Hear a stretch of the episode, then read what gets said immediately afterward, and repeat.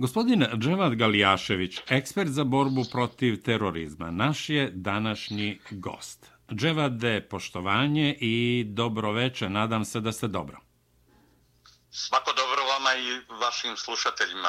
Ja sam dobro i od srca i vama to želim. Hvala vam, lepo, hvala lepo. A, evo, ja bih hteo da krenemo od, od jedne konstatacije. A, čini mi se da u Bosni i Hercegovini, kao što znate, ja sam rođen u Sarajevu i, i, i to je, ajte da kažem, država moga rođenja. Dakle, u Bosni i Hercegovini čini mi se što gore, to bolje. A jedan od rekao bih, glavni faktora za ovu moju konstataciju je Bakir Izetbegović, predsjednik stranke Demokratske akcije i sin Alije Izetbegovića, koji je odmah posle drugog svjetskog rata osuđen na tri godine zatvora, tamo negde 80-ih ili već ne znam koji godina i ne sećam se, na 15 godina robije zbog islamskog ekstremizma i islamske deklaracije, čiji je pisac. Dakle, to je više program nego što je knjiga. Dakle, Bakir je izjavio, doduše ne eksplicitno, da su Srbi loš narod. Ja bih predložio da čujemo šta je on to izjavio u dnevniku federalne televizije, a onda ću nastaviti sa mojim pitanjem. Evo, samo trenutak. Loših naroda ima samo loših rukovostava, nisam siguran.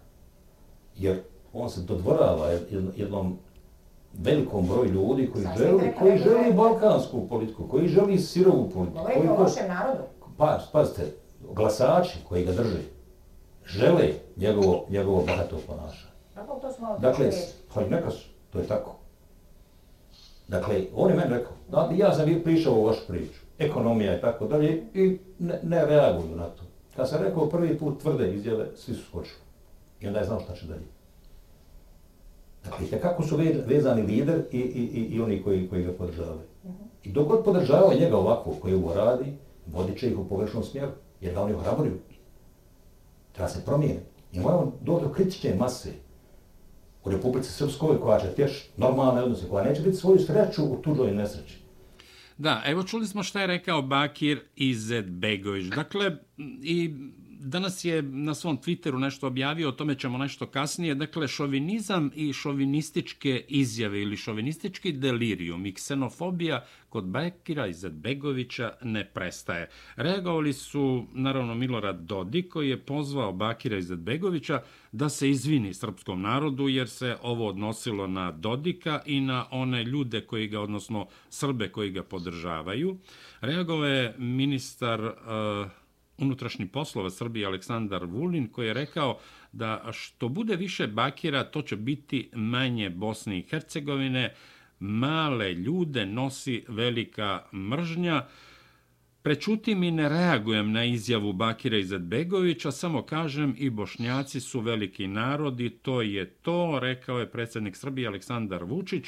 Činjenica je da su Srbi najveći i najbrojniji narod na Zapadnom Balkanu, ali nikad ništa loše nisam rekao, niti ću reći za Bošnjake. E, malo duži uvod, izvolite, gospodine Galijaševiću. Pa ovo nije samo izjava. Dakle, ovo nije tek nekakvo mišljenje jednog čovjeka koji živi u Sarajevu, koji je imao e, prljave ruke od rata, prljave ruke od korupcije i činio mnoge nepodobnosti i u ratu i poslije njega ovo je program. Dakle, ovo što Bakir Izetbegović konstantno ponavlja na ovaj ili onaj način, eksplicite ili implicite, e, mekše ili tvrđe, dakle, to se sve nalazi u kongresnim dokumentima stranke demokratske akcije. Od onog prvog dana kada je Alija Izetbegović iz zatvora stupio na političku scenu tadašnje socijalističke republike Bosne i Hercegovine, mi u stvari vidimo E, da je to politika stranke demokratske akcije. Stranka demokratske akcije je u, u stvari e, bosanski obrazac nacističkog ludila. Dakle, to je bosanska slika e, jedne e, nacističke politike prema svim narodima. Nije Izetbegović samo takav prema Srbima, on je i prema Hrvatima. Vrlo često čujemo e, slične izjave, ne ovako direktne kakva je ova, ova je upravo zbog toga iskrenula pažnju na sebe. Konačno da se skinu maske potpuno i da se kaže e, čitav narod je loš ili da se to e, na određen način e, tumači kao tako čak na direktno pitanje novinarke je li to govorimo o lošim i dobrim narodima on, on, je, on je praktično nastavio u tom tonu. Dakle, uh, Izetbegović je i ovakve izjave su problem za ne samo međunacionalni dijalog, međunacionalno razumijevanje. Stranka demokratske akcije je moćno političko sredstvo bošnjačkog naroda. Dakle, ako je ta stranka, kao najveća stranka u Bošnjaka, ako ima to kao programsku orijentaciju koja se iščitava kroz izjave njenog lidera, i jednog i drugog, i ako je taj lider u stvari sin, nasljednik e, prvog lidera, nasljednik osnivača, ako, ako je to sultanat ili šeikat u kome je politička stranka e, e samo e, kopirani model e, evropske demokratije, kao politički instrument za realizovanje određenih ciljeva. Dakle, ako je prihvaćena kao model zato što ste slučajno rođeni u Evropi, a u duši ste radikalni islamista, mrzite sve što je drugačije, mrzite raznolikost, mrzite, dakle, druge narode. Predsjednik Dodik je u stvari i u ovom trenutku jedini od, od političara na, na eh, bosansko-hercegovačkoj političkoj sceni koji nije uprljao ruke u ratu.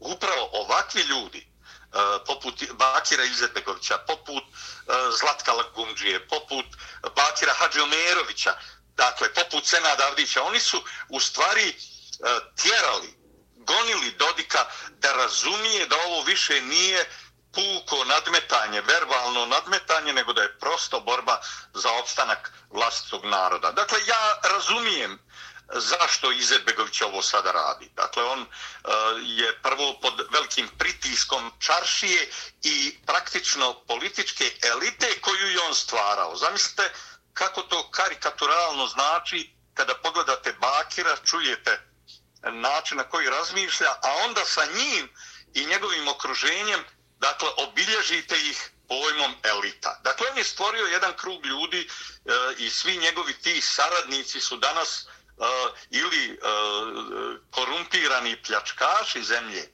pa zbog toga pred sudom BiH.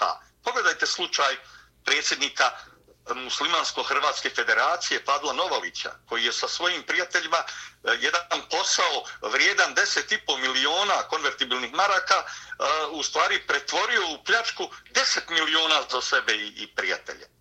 Zamislite na jednom tako malom poslu od 10,5 miliona da čitav posao vrijedi u stvari 500.000, da vi uzmete 10 miliona. I zbog toga ga u ovom trenutku e, tužila Hrvatstvo Bosne i Hercegovine goni i njega i još uh, tri aktera dakle ove afere. Dakle, Bakir je nervozan zbog toga. Pogotovo što taj federalni premijer je praktično nelegalni federalni premijer, jer vlada e, Muslimansko-Hrvatske federacije nije, nije izabrana već dvije i pol godine od kako su izbori bili, nego su u stvari vlada u tehničkom mandatu, ali koja u stvarnoj političkoj e, moći pljačka. Dakle, drugo, Bakirov zamjenik u stranci, Asim Sarajlić, odgovara pred tužilaštvom za trgovinu uticajima. Dakle, za krivično djelo. E, treće, e, pojedina, pojedina lica direktno, dakle, oko njega, koji su postali načelnici opština, odgovaraju za ubistvo u saobraćaju. Dakle, jednog lica i, i praktično taj predmet je bukvalno umrtven. Govorimo o jednom jedinom načelniku jedne Sarajevske opštine, Semiru Tendiću, dakle koji je izvršio praktično automobilom ubistvo u saobraćaju. Kada pogledate lica oko Bakira i pogledate njegovog glavnog obavještajca, e, vidite da je i on pod već E, krivičnim progonom za dva predmeta, dakle, da je falsifikovao vlastu diplomu, izmislio obrazovanje koje je navodno stekao u Banja Luci, u koju nikad nije došao od kako je rat stao, dakle, niti prije rata da, je dolazio. Dakle, kada pogledate njega povezanog i sa e, mnogim ratnim zločinima u ratu, povezanom sa zloupotrebama položaja na koje je ukazao njegov kolega iz stranke koji je već napustio, dakle, SDA, a govorimo o Aljoši Čampari, koji je opet ministar e, policije Muslimansko-Hrvatske federacije. Dakle, u takvim okolnostima Izetbegović se zaista osjeća ugroženo, e, ne odriče se ovih korumpiranih saradnika, što javnost direktno osuđuje, stalno i proziva. I onda kao nešto što, što je posebno teško za njega, e, dešava mu se presuda generalu Sakibu Mahmuljinu, komadantu trećeg korpusa iz rata za zločine muđahedina. Dok se čitala ta presuda, govoreno je o ritualnom odsjecanju glava, govoreno je o 55 ubijenih ratnih zarobljenika, govoreno je o spaljivanju 66 progonu 22.000 ljudi, o rušenju 12 crkava i jednog srednjevjekovnog manastira. Obnavljeni su znači priče o jednom modelu ratovanja koji je u svojoj prirodi i islamistički i zločinački. Dakle, e, presuda e, generalu Satibu Mahmuninu dolazi nakon dvije presude koje se desile u Hagu. Dakle, ako uzmete da je komadant Izetbegovićeve armije Rasim Delić osuđen za ratne zločine Mujahedina na tri godine zatvora, dakle pravosnažno, da je njegov načelnik generalštaba Enver Hasanović osuđen na tri pol godine pravosnažno, da je komadant sedmi muslimanski isto u Hagu u istom predmetu sa Hadži Hasanovićem osuđen na dvije i pol godine zatvora. Dakle, i sada pogledate, dakle, i komadant, i načelnik generalštaba, i komadant sedmi muslimanski, sada i komadant trećeg korpusa, dok istovremeno se vodi sudski procesi za ratne zločine koje su počinila i druga dva komadanta, odnosno komadant četvrtog korpusa e, e, Ramis Prebljak, general, i komadant petog korpusa Ativ Dudaković. Dakle, ti generali su sada došli Bakiru i rekli šta ostaje, dakle, ovdje se izjednačava odgovornost, ovdje se borba Bošnjaka konačno pretvara u, u nepobitan zločin i time ona matrica iz 90-ih žrtvama i zločincima pada. Dakle, on trpi teške pritiske, tim prije jer e, presuda Sakibu Mahmuljinu, e, koju je proizveo tužilac Sedin Idrizović Bošnjak, dakle, izgurao je praktično, iznio je, a e, dolazi u momentu kada praktično Republika Srpska nema nikakav uticaj na pravosuđe. Na vrhu pravosuđa, Dakle, kao predsjednik suda bih sjedi uh, Debevec Kaveson, to je osoba koja je imala tajni, skriveni španski identitet, španski pasoš, španska dokumenta, uzio je prezime svoje majke, Kaveson, i tamo se zove Ranko de Kaveson. Ne zove se Ranko Debevec. Dakle, e, kada pogledate da je Milan Tege, da je Tegeltija morao odstupiti sa čela VSTV-a i da je praktično onaj federalni bošnjački dio stavio pod kontrolu visoko sudsko i tužilačko vijeće kao e, kontrolni organ pravosuđa, da je centralna izborna komisija pod kontrolom. Dakle, praktično je pravosuđe e, pod određenu kontrolu e, Muslimansko-Hrvatske federacije i samog Bakira Izetbegovića, a ipak je presuda protiv Sakiva Mahmulina na 10 godina zatvora. Dakle, bez obzira što je to objektivno sramna presuda obzirom na prirodu zločina, bez obzira što bi da je neki Srbin počinio takvu vrstu zločina, dakle da imate 192 ritualno osjećatne glave, ali ste dokazali 55 samozarobljavanja i priznali da je više od jedne ritualno osjećane glave bilo. Nalazi sudskih vještaka pokazuju dakle onih e, leševa koji su pronađeni i iskopani poslije rata da je svako tijelo bilo bez glave od 12 pronađenih u kortu rijeke Kamence, od 3 pronađena na Ozrenu i tako dalje i tako dalje.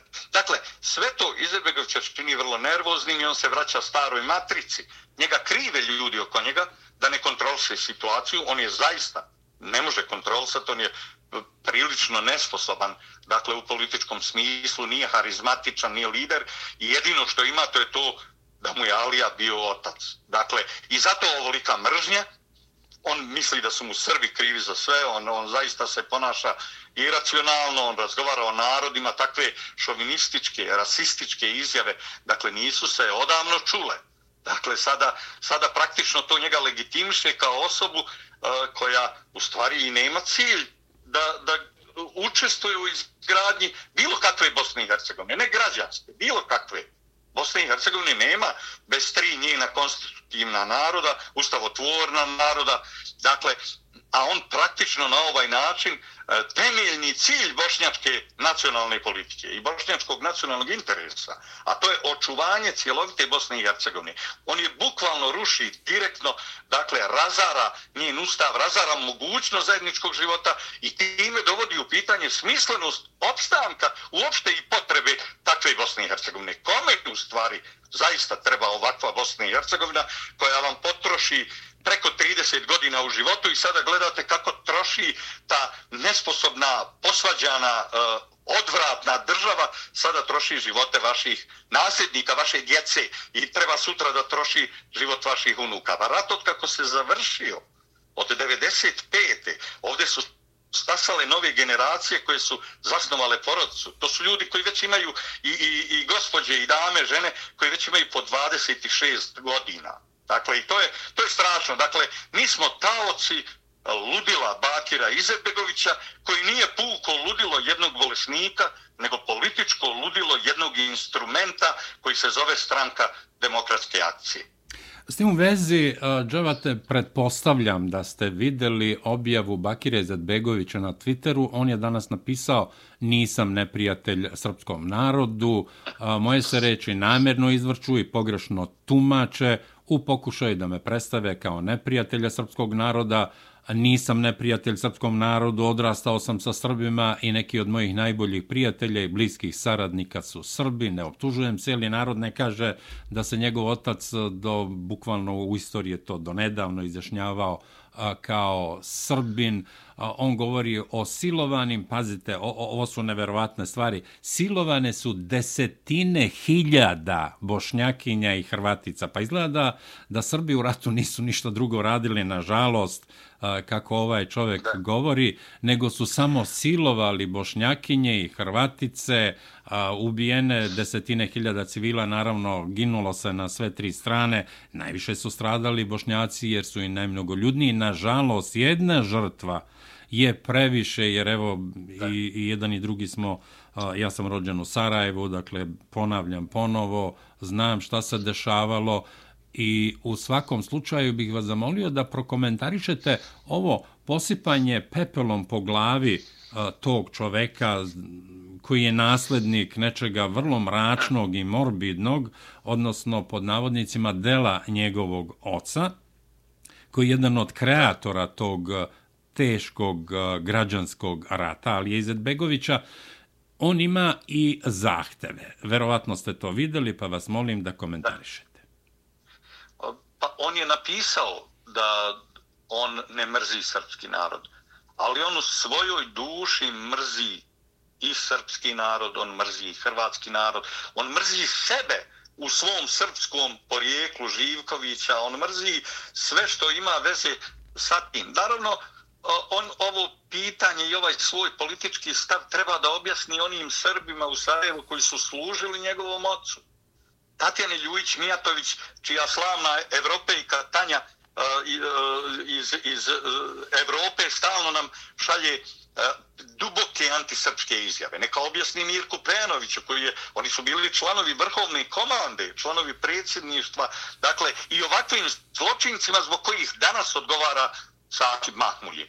Dakle, neka objasni jo, Jovanu Divljaku, Srbinu, generalu, dakle, Aline vojske, neka objasni i Hrvatima, Stjepanu Šiberu, neka objasni kome hoće ljudima koji su vjerovali da, da je sa Alijom uopšte moguće bilo kakva zajednička država. Ne, on može napisati bilo šta. On je u stvari i kroz ova pisanja i, i govore o ratnim zločinima u stvari pokazao što njega najviše boli.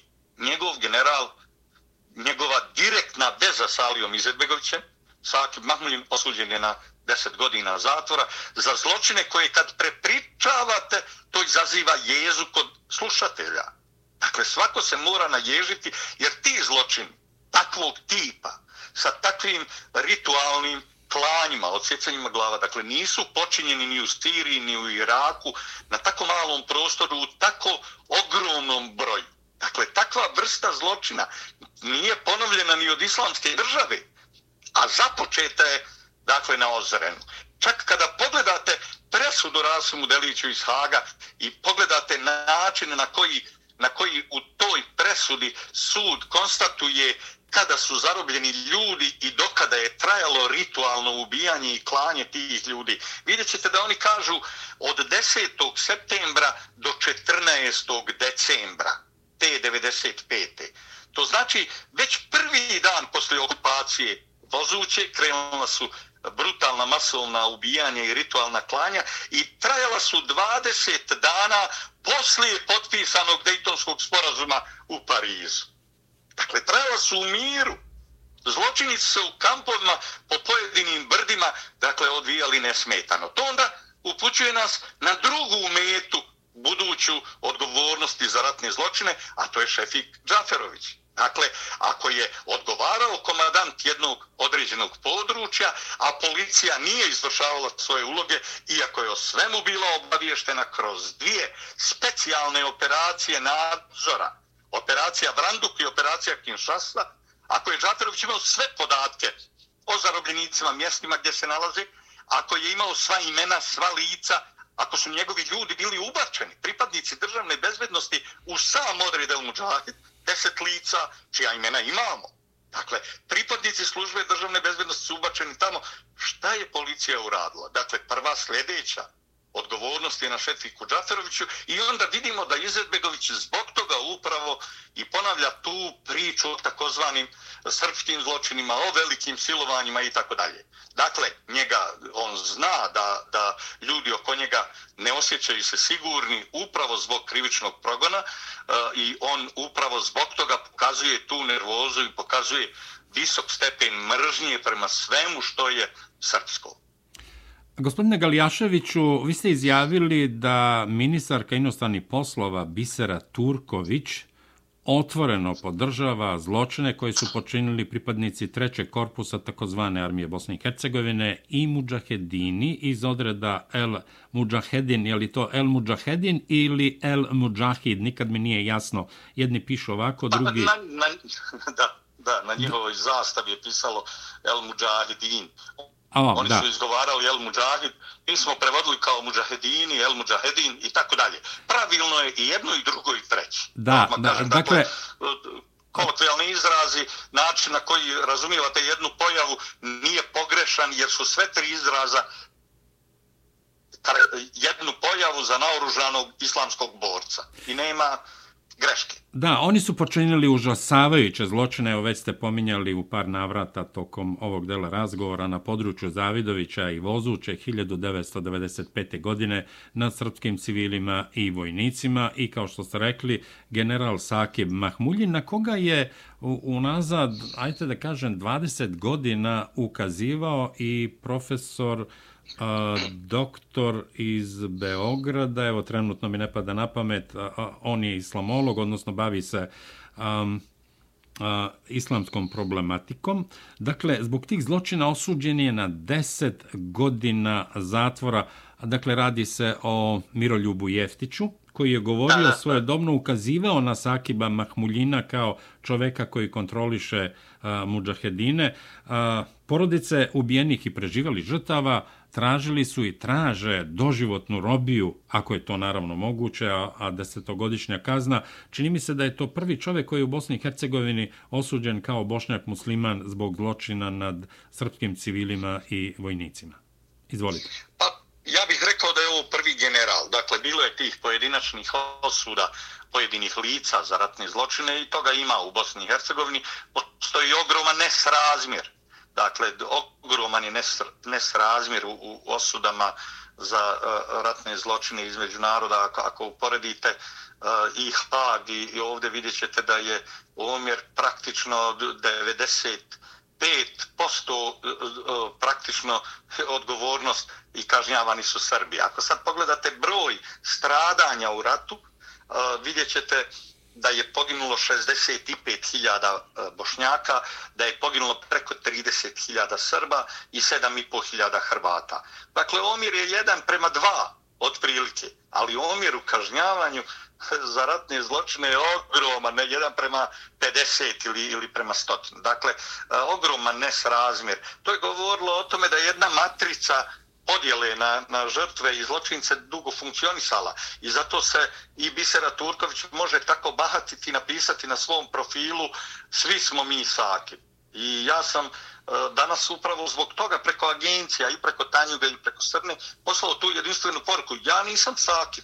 Dakle, ja nisam, ja nisam ukrvačio ruke, ja sam bio tu sa svojim narodima, ne preuzimam ničije zločine, stid me je i srame je što je takav čovjek, dakle, e, e, uopšte bio general, tako se ne ponašaju generali, tako se ne ponašaju ni oficiri, ni viši ni niži, bilo kakvi, dakle, to se ne radi u ratu. Tim prije, sada, kada pogledate e, šta su, koje su to svjedočenje i koje su to izjave koje su uh, Sakiba Mahmulina E, odvele u desetogodišnju kazu zatvora, pa to su izjave Bošnjaka prije svega.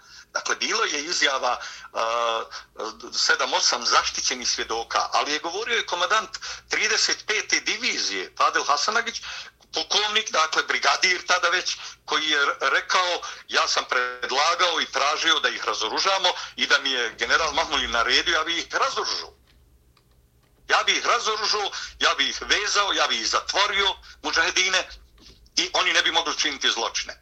Meni ta naredba nije došla. Ta izjava Hasanagića, dakle, brigadira već tada, Hasanagića je u stvari ključna za utvrđivanje odgovornosti Sakiva Mahmudina. Dakle, može Bisera Turković je radikalni islamista, to kod vas u Americi je često puta ponavljano, republi, republikanski senatori su se e, posle 11. septembra, 4-5 godina posle 11. septembra, žestoko protivili njenom uh, imenovanju uh, za ambasadora Bosne i Hercegovine u Sjedinjenim američkim državama.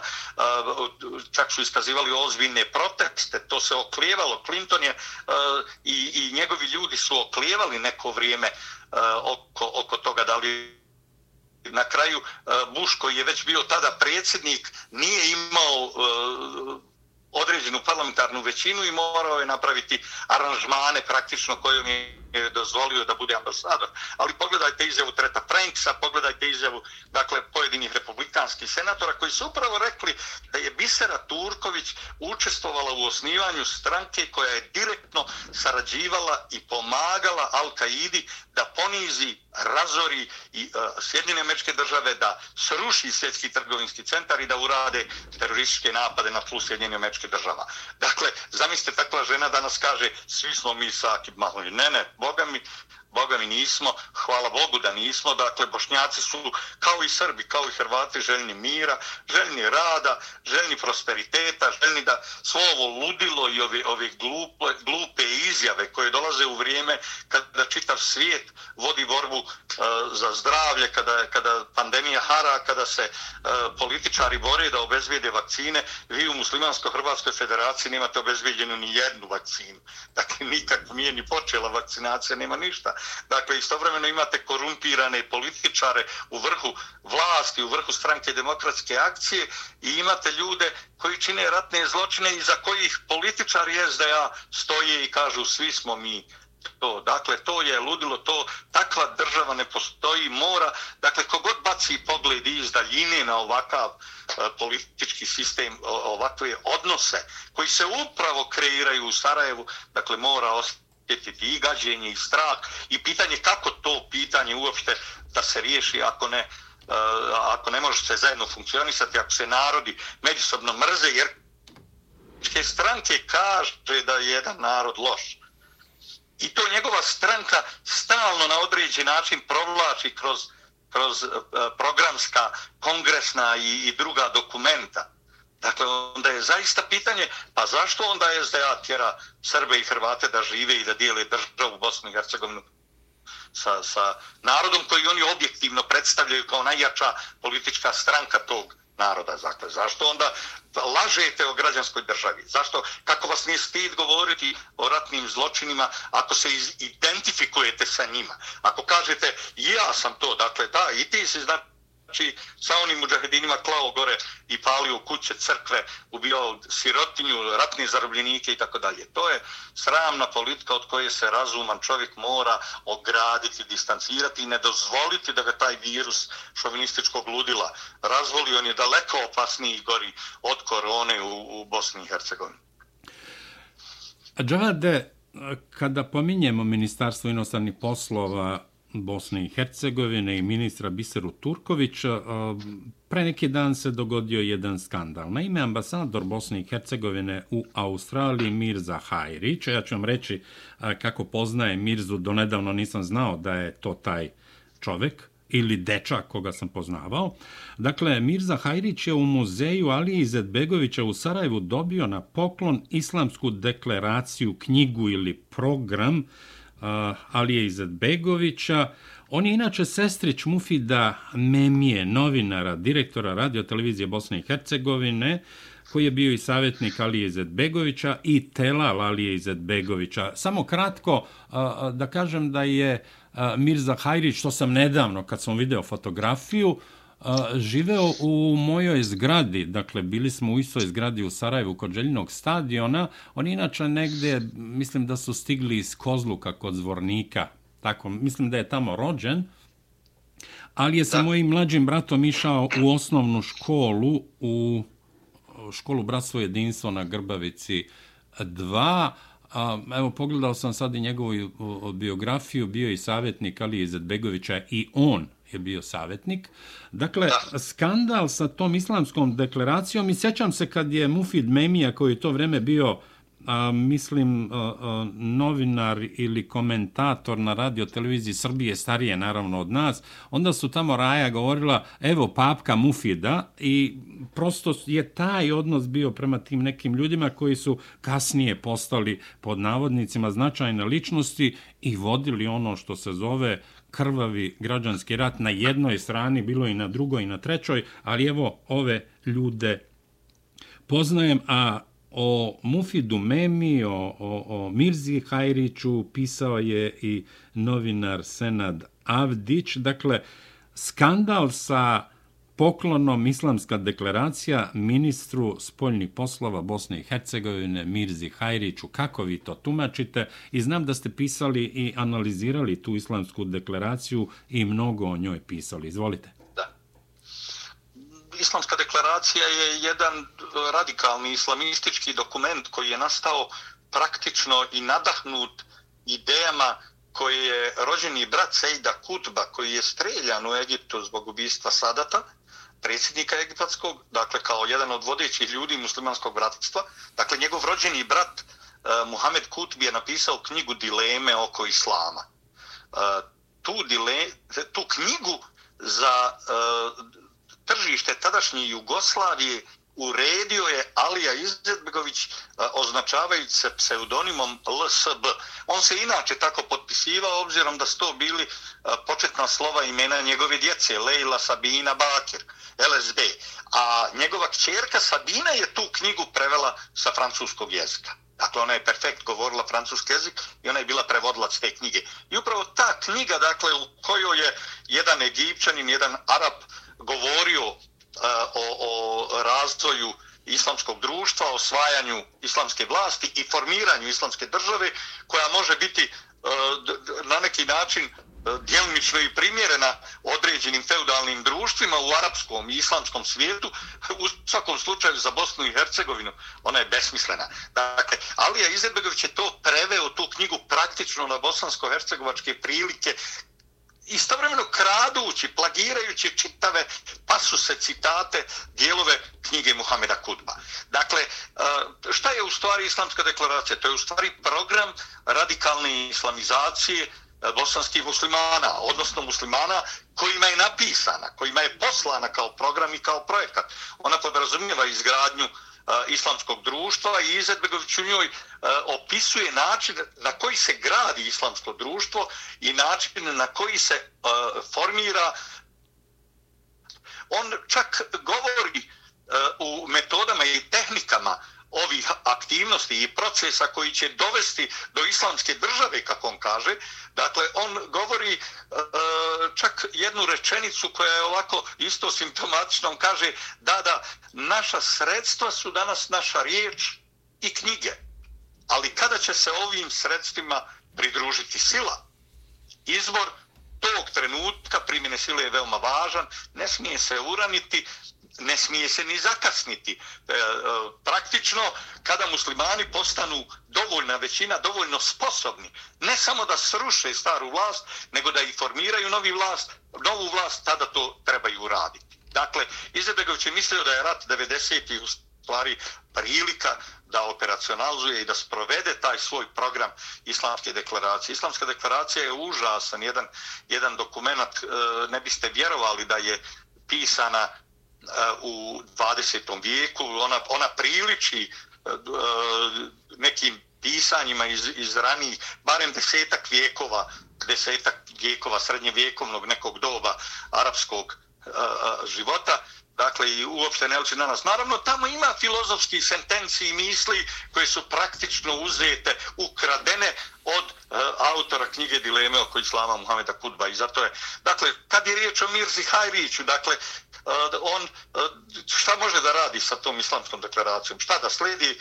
amanet Alije Izetbegović se založi da se ona provede u dijelo. Nikada neće biti provedena u dijelo, dakle ovo je prostor takav, on na njemu e, ni zapad ni istok ne želi da vide takvu državu, a drugo će se e, pitati i zapad i istok o tome kako će izgledati ovaj balkanski dio, dakle kako će izgledati. Ne u svakom slučaju i bošnjaci se pitaju, a i oni ne žele takvu vrstu islamskog poredka koji bi bio e, ne samo uperen protiv žene, nego bi bio uperen i protiv svih ljudskih sloboda i inovjeraca, pa i samih, samih muslimana. Inače, kad, kad pogledamo porodične prilike i činjenicu da mu je Mufid Memija bio dajđa, pa Mufidu Memiji je mentor, u stvari bio uh, najveći uh, ustaški novinar Smiljko Šagulj, čovjek koji je u komunističkom pokretu, dakle bio cenzor, urednik, bio je sve i svja u Sarajevu, a onda je otišao za Herceg Bosnom i počeo da, da neke teške ustaške parole izbacuje e, svaki dan. Dakle, takav je i Mufid Memija. Dakle, on ima problem oni imaju problem konvertitstva, dakle oni su bili do jučerašnji komunisti. Ovaj je sledio Ustašu, na kraju je sledio Aliju. E, o njima piše Senad Avdić, koji je u stvari bio do jučerašnji saradnik službe državne bezvjednosti, frustrirani Rom, hercegovački po porijeklu, koji je, sa, čija je familija doselila u Švrakino selo, i on se iz Švrakinog sela sada dokazuje da je najveći bošnja, on slijedi bošnjaštvo Željka Komšića i kuliše to bošnjaštvo da bi njegova supruga bila ambasadorka dakle u Španiji. Supruga Senada Abića, e, koja je Danka Savić, koja je Srpkinja, je Željka, Željko Komšić kao hrvatski član predsjedništva za ambasadora postavlja Srpkinju koja se ponaša kao radikalna bošnjaknja i postavlja je e, u Španiju. Dakle, svo to ludilo, svo to konvertitstvo u Starajevu zbog novca, zbog položaja i utiktaja, zbog moći, zbog želje za moći, govori o tome da taj praktično nedovršeni identitet koji mora biti ne samo kulturni i istorijski, jezički ili, ili etnogenetski, on mora biti i vjerski identitet. Bošnjaci nisu ni artikulisali jasno svoj vjerski pogled na vlastitu vjeru, a kamoli da su artikulisali e, objektivne i, i pronašli objektivne e, istorijske činjenice o svojoj etnogenezi, o svome porijeklu, o porijeklu jezika koji im govore, o antropologiji, dakle i o genealogiji, o tome kako i zašto i odakle su krenuli, pa su došli do ove tačke. Dakle, svi ti ljudi koji, koji se nadahnjuju na izvorima islamske deklaracije, u stvari prizivaju rat koji praktično od 90-ih još uvijek se vodi. U stvari vodio se on dijelimično i u uh, osmansko doba, vodio se i kada je Austro-Ugarska vladala ovdje. Uh, potiho je on uh, ispod tepiha brujao dole i u Kraljevini i u komunističkoj Jugoslaviji i ponovo je izašao taj, taj, ta avet uh, dakle, radikalnog islamizma kao jedine, jedinog identiteta, kao jedine životne, političke i istorijske, kulturne orijentacije.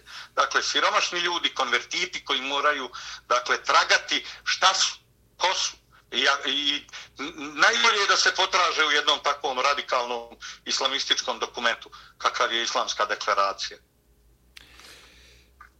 Džavade, upravo razmišljam da imamo vremena kratko ako možete da prokomentarišete ovo moje pitanje ili konstataciju ili vašu izjavu, jer bih voleo da bar kratko posle toga komentarišete i situaciju u Crnoj Gori.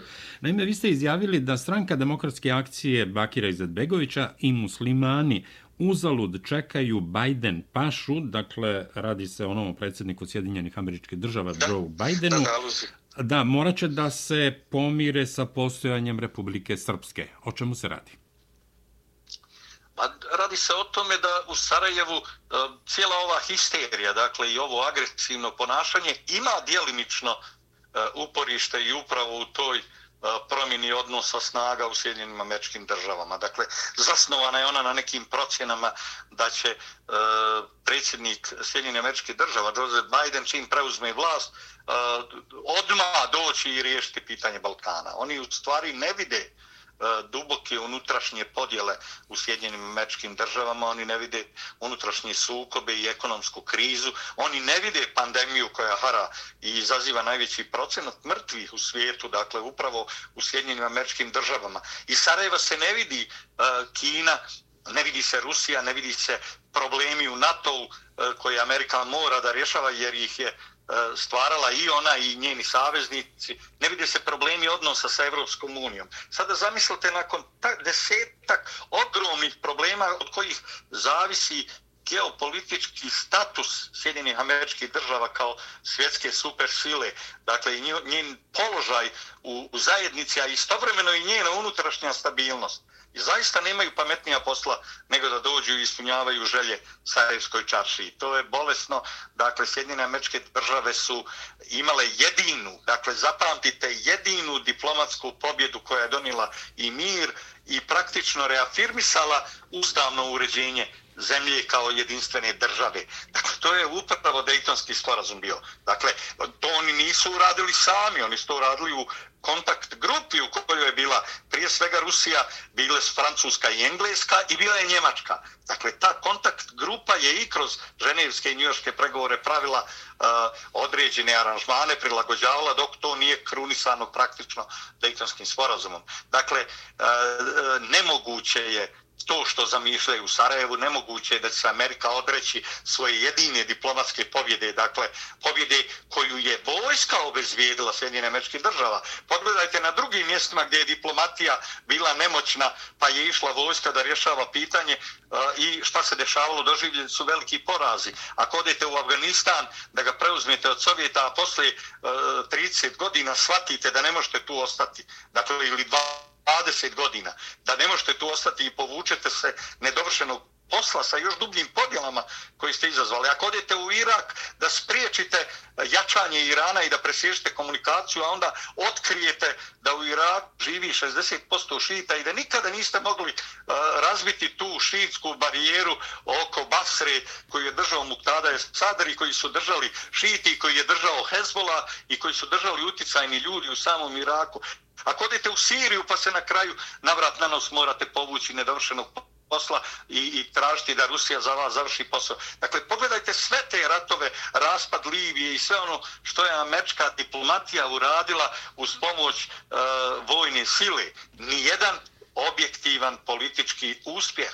Dakle, osim razaranja pojedinih država i vraćanje u neke prošle vijekove. Jedina stvarna geopolitička pobjeda Sjedinjenih američkih država je Dejtonski sporazum. Zašto bi se Amerikanci odrekli toga? Zašto bi se demokrate odrekli toga kad je njihov glavni guru, glavni mentor eh, Bill Clinton upravo bio na čelu tada Sjedinjenih američkih država. Dakle, to je bolesno i očekivati. Mislim da ako oni misle da će Biden doći na, na eh, konju sa isukanim jataganom i da će se ponašati kao Biden paša, dakle, i da, da će vratiti sve u uh, staro osmansko uh, E, političko uređenje u kome su muslimani privilegovani, a ne muslimani podređena raja, dakle nema od toga ništa. Na se mora graditi sporazumima tri njena naroda, od toga to je trebalo započeti puno prije, e, sada je poprilično se okasnilo, ali to je nužnost ako se želi da ova država uopšte opstane ili će se ona prosto raspasti u nekom budućem ratu ili mirno razići. Da, Džavade, evo, pre nego pre, pređemo na Crnu Goru, prosto da kažem da ja nemam ništa protiv Mirze Hajrića, on mi je bio simpatičan dečak dok je živeo u, u moje zgradi, mi smo bili, kako se to kaže u Sarajevu, starija raja, a, išao je s mojim mlađim bratom Aleksandrom u školu, dakle, bio mi je simpatičan, ali me onda začudilo to, posebno sam se zainteresovao kad je dobio tu islamsku deklaraciju, ne mogu da razumem da su a tako neki ljudi koji su kao dečaci ili mladići bili simpatični, bili a, sasvim ovaj u redu, da tako kažem, odjednom se pojavljuju sa islamskom deklaracijom u rukama, prosto mi je bilo onako malo blago rečeno zalutali čudno. da da ne Zalutali kažem da da ne kažem nešto žešće pa ne samo što su zalutali nego su i oštećeni ja bih to tako Da, karakterisao, da, ali mi je da, momak bome. bio simpatičan, kao dečak mi je bio. Njima smo tako lupali klempe, čvoke i tako dalje. Um, Gledali su kako igramo klikera i drugi stvari, ali mi je bio simpatičan, naravno ništa protiv njega, nego evo da je to sve normalno, bilo bi mi drago da napreduje i da je ambasador. Međutim, sa islamskom deklaracijom u ruci, prosto, ajte da kažem, ne da nije simpatičan, nego se gnušam takvih poteza. Ali Pa da, evo, neka ide u Nigeriju, neka ide tamo u tako je u Saudijsku Arabiju. zemlje, neka prodaje to znanje iz islamske deklaracije, to mu poželio. Da. A, Dževade, Crna Gora, predsjednik Milo Đukanović, održan je preko vikenda Kongres Demokratske partije socijalista.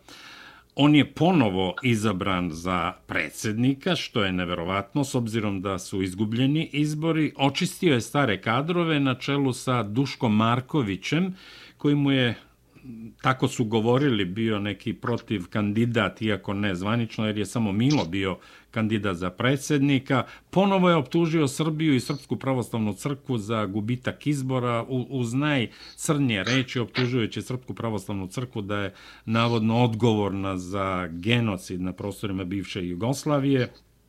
Potpisao je danas zakon o slobodi veroispovesti, ali i rekao potpisujem, ali sada idemo na Ustavni sud i samo da kratko citiram Nebojšu Medojevića, jednog od Demokratskog fronta, umjesto što nova vlada Crne Gore na čelu sa Krivokapićem i Abazovićem insistira na kohabitaciji sa Milom Đukanovićem, Mila Đukanovića treba procesuirati, uhapsiti i osuditi na dugogodišnju robiju. Izvolite. Upravo Milo Đukanović još uvijek drži kasu. On drži, uh, dakle, novac, on drži, novac mu obezvjeđuje moć. On je za ovih godina i godina, dakle decenija kojima je vladao, obezvijedio sebi ogroman kapital i e, praktično jedini instrument njegovog opšta s jedne strane stranka koju treba da vodi, a s druge strane upr- upravo ova duboka antisrpska politika. Milo Đukanović je prva linija dakle, neprijateljskog napada na Srbiju, napada na ono najznačajnije što Srbija ima i predstavlja uh, u, u Evropi i svijetu, dakle, napadom na njen identitet, na njenu državu, na njene službe, na njenu vojsku i naravno na njenu srpsku pravoslavnu crkvu. Dakle, on zna da srpskog nacionalnog identiteta bez pravoslavlja, svetoslavlja nema i on zato želi uporno da ponavlja tu mantru koja treba da uh, jednog prosvjetitelja, dakle i sveca, uh, vrijeđa i da preko toga vrijeđa uh, praktično srpski narod u cijelini. Kada napadate uh, srpsku pravoslavnu crkvu, vi govorite Milo Đukanović je u stvari crnogorska verzija Bakira Izetbegovića. Dakle, on na drugi način uh, govori o lošem narodu, jer uh, koliko ja znam, velika većina, ogromna većina srpskog naroda ima samo jednu srpsku pravoslavnu crkvu i nema e, tu ni alternative ni u vjerskom ni u identitetskom smislu. Dakle, e, međutim, E, ono o čemu je govorio gospodin Medojević je upravo e, tragedija Crne Gore. Pored te prve linije neprijateljskog fronta koju Milo Đukanović želi da zadrži u vidu ideologije i u vidu političke stranke kojom, koju je čak očistio od, od mogućih konkurenata.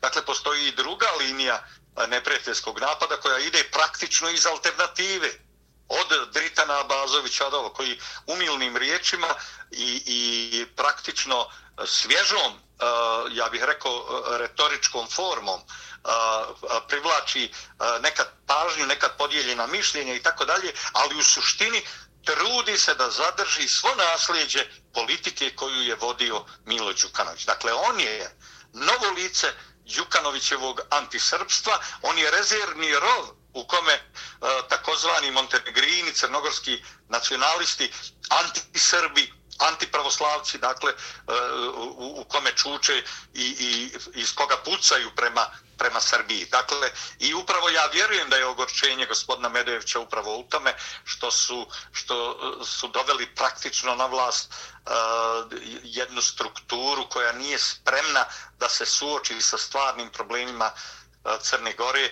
da, da zakorači prema srpskoj pravoslavnoj braći da riješi pitanje odnosa prema Kosovu. Šta je to što Crnogorce u interesnom, političkom, geopolitičkom, strateškom smislu veže za šiptare sa Kosova? Šta je to zbog čega biste se vi odrekli Srbije i priznali e, Kosovo kao suverenu državu? Dakle, šta se to desilo u glavi tih ljudi koji ni po čemu, niti liče, niti imaju bilo kakvog zajedničkog interesa, niti se razumiju, niti se uopšte razumiju sa šiptarima sa Kosova. Dakle, a, a ipak urade takvu stvar da kolijevku kulture, nacije i religije, dakle, za srpski narod proglasite nešto što je silom otrgnuto, zbog čega je ubijeno nekoliko hiljada ljudi, zbog čega je razorena srpska ekonomija u NATO bombardovanju srušeni svi mostovi. Dakle, pazite, to je posebna simbolika. O mostu govori Andrić o spajanju obala i tako dalje. Sada zamislite jednu vojnu silu koja ruši te mostove i dođe vam Crnogorac, dakle, e, drugo oko u glavi dođe brat, dođe srpska Sparta, dođe neki srpski Spartanac i prizna to Kosovo i kaže ono je na vijeke vijekova šitarsko. Dakle, ta linija drugog fronta u kome evo svojom neodlučnošću e, praktično funkcioniše vlada gospodina Krivokapića i svojom odlučnošću da se ne mijenja odnos e, prema Kosovu, da se ne mijenja odnos prema NATO paktu. Dakle, stoji sad druga linija napada na Srbiju e, personificirana u Britanu Abazoviću. Dakle, Milo Đukanović će pokušavati držati tu svoju liniju fronta, on je on zna da on nije žrtvovan od Srbije, on je žrtvovan od Zapada, on je postao preskup za održavanje jednog takvog diktatora, ne možete dugo održavati kao što je Bakir Izetbegović, sin ali je Izetbegovića po ugledu na neke arapske nasljedne halifatske loze naslijedio svoje pravo da upravlja dijelom Bosne i Hercegovine i da truje cijelu Bosnu i Hercegovinu. Milo Đukanović je praktično neograničeno dugo nasljeđujući komuniste Crne Gore, dakle, nastavio s tim političkim sistemom, a Dritan Abazović praktično daje ovaj zida, kamenčiće pod zidom održanja u stvari te politike Mila Đukanovića i njegovog nasljeđa. Naravno, dugoročno, veoma je važno da e, političke stranke u Crnoj Gori, tu mislim i na demokratski front, tu mislim na mnoge važne ljude, i gospodina Bečića koji u ovom momentu vodi E, Skupštinu Crne Gore, mislim i na gospodina Kneževića i na gospodina Medojevića. Dakle, veoma je važno da oni ostanu jasni u svojim političkim opredeljenjima i da se pripremaju za sljedeće izvore, da se pripremaju za popis stanovništva i da se e, ideja Crne Gore kao bratske srpske države, bratske države Srbiji i bratske države Bosne i Hercegovine na kraj krajeva. Svi mi volimo Crnu Goru, dakle Crna Gora je naša, to je, to je prelijepa zemlja, želimo je da bude najbogatija uh, sa svojim prelijepim i obalama morskim i svim. Dakle, ona je mjesto gdje vam mora uh, srce biti puno. Dakle, ali o, sa ovom politikom, sa ovim dakle što se radi u ime te Crne Gore, dakle ona ona mora izazvati jednu odbojnost, jedno podozrenje, jedan strah kojim putem u stvari ide Crna Gora i zašto Milo Đukanović i dalje dakle jaše na, na svojoj na krilima svoje politike i svoje stranke i zašto u tome ima direktno ili indirektno podršku navodno novog lica Crne Gore. Gospodine Galijaševiću, hvala vam od srca što ste odvojili vaše vreme i govorili za Srpski radio Čikago. Hvala vam na poziv. Poštovani slušalci, gost Srpskog radija Čikago bio je Dževat Galijašević, ekspert za borbu protiv terorizma.